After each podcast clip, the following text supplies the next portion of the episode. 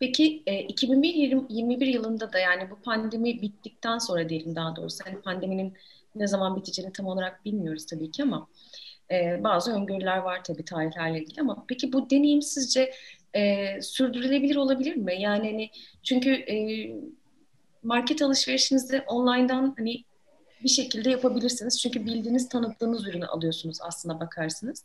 Ama in, e, internetten takı almak veya altın almak çok ayrı bir deneyim bence kullanıcı için. E, bu arada değişik ve güzel bir deneyim olduğunu düşünüyorum. E, sizce kullanıcılar buna devam ederler mi pandemi sonrasında da? Çünkü onlar için de çok büyük bir kolaylık olduğunu düşünüyorum. Evet. Artarak devam edeceğini öngörüyorum açıkçası. Ee, burada da tahminlerimizi e, biraz açıkçası Türkiye üzerinden gerçekleştirmek istiyorum. Çünkü e, TÜSİAD'ın 2019 e-ticaret raporuna baktığımızda ülkelerin e, online alışveriş oranlarını e, bir tabloda karşılaştırmış durumda.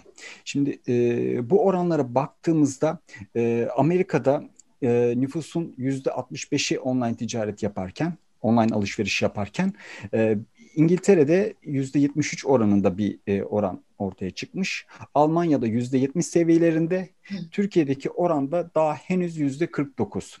E, bu sebeple online alışverişlerde hala bir yolumuzun olduğunu tahmin ediyorum. Yani oransal olarak bu Avrupa'daki ve Amerika'daki oranlara yaklaşacağımızı e, öngörüyorum. Bu sebeple de internette olan bu ilgi artarak devam edecektir 2021 yılında. folclórica.